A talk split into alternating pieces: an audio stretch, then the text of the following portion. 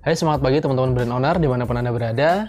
Pada kesempatan kali ini saya ingin share kepada Anda khususnya di dunia kuliner apa yang menjadi tren atau apa yang menjadi kegemaran teman-teman milenial saat ini gitu.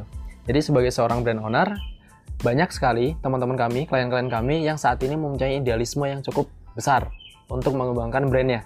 Kalau zaman dulu kita tahu bahwa beberapa brand itu mengikuti arus pasar, tapi kalau sekarang mereka mengcreate demand, mereka mengcreate lifestyle, gaya hidup baru yang mungkin sebagai generasi milenial kita ingin coba-coba gitu. Karena salah satu fungsi dari brand yaitu menjadikan customer menjadi siapa? Menjadi orang yang terlihat lebih sporty, terlihat lebih pintar, terlihat lebih dewasa, terlihat lebih ceria, terlihat lebih cantik dan sebagainya. Jadi salah satu fungsi brand yaitu menjadikan customer menjadi siapa. Seperti jika teman-teman tahu, di beberapa kota besar di Indonesia sekarang sedang hits yang namanya brand kuliner terkait dengan makanan sehat. Vegan atau makanan sehat seperti itu ya.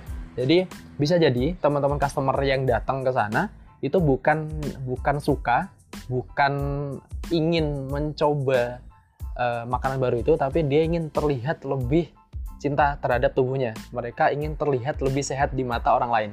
Jadi, salah satu fungsi dari brand tadi saya bilang bahwa uh, customer ingin menjadi siapa?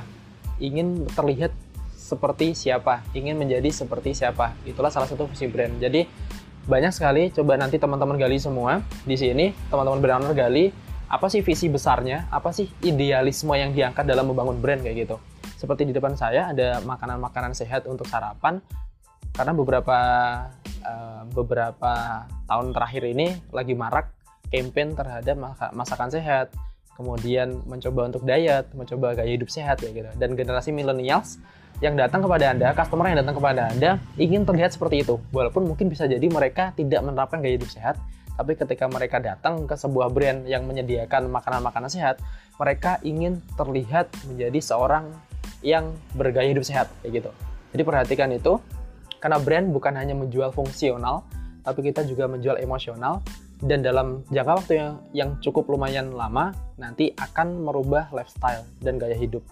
Jangan cuma ikutin tren, tapi coba ciptakan tren dan coba explore apa idealisme teman-teman brand owner semuanya. Sekian dari saya, semoga bermanfaat. Salam sukses, berkah, berlimpah.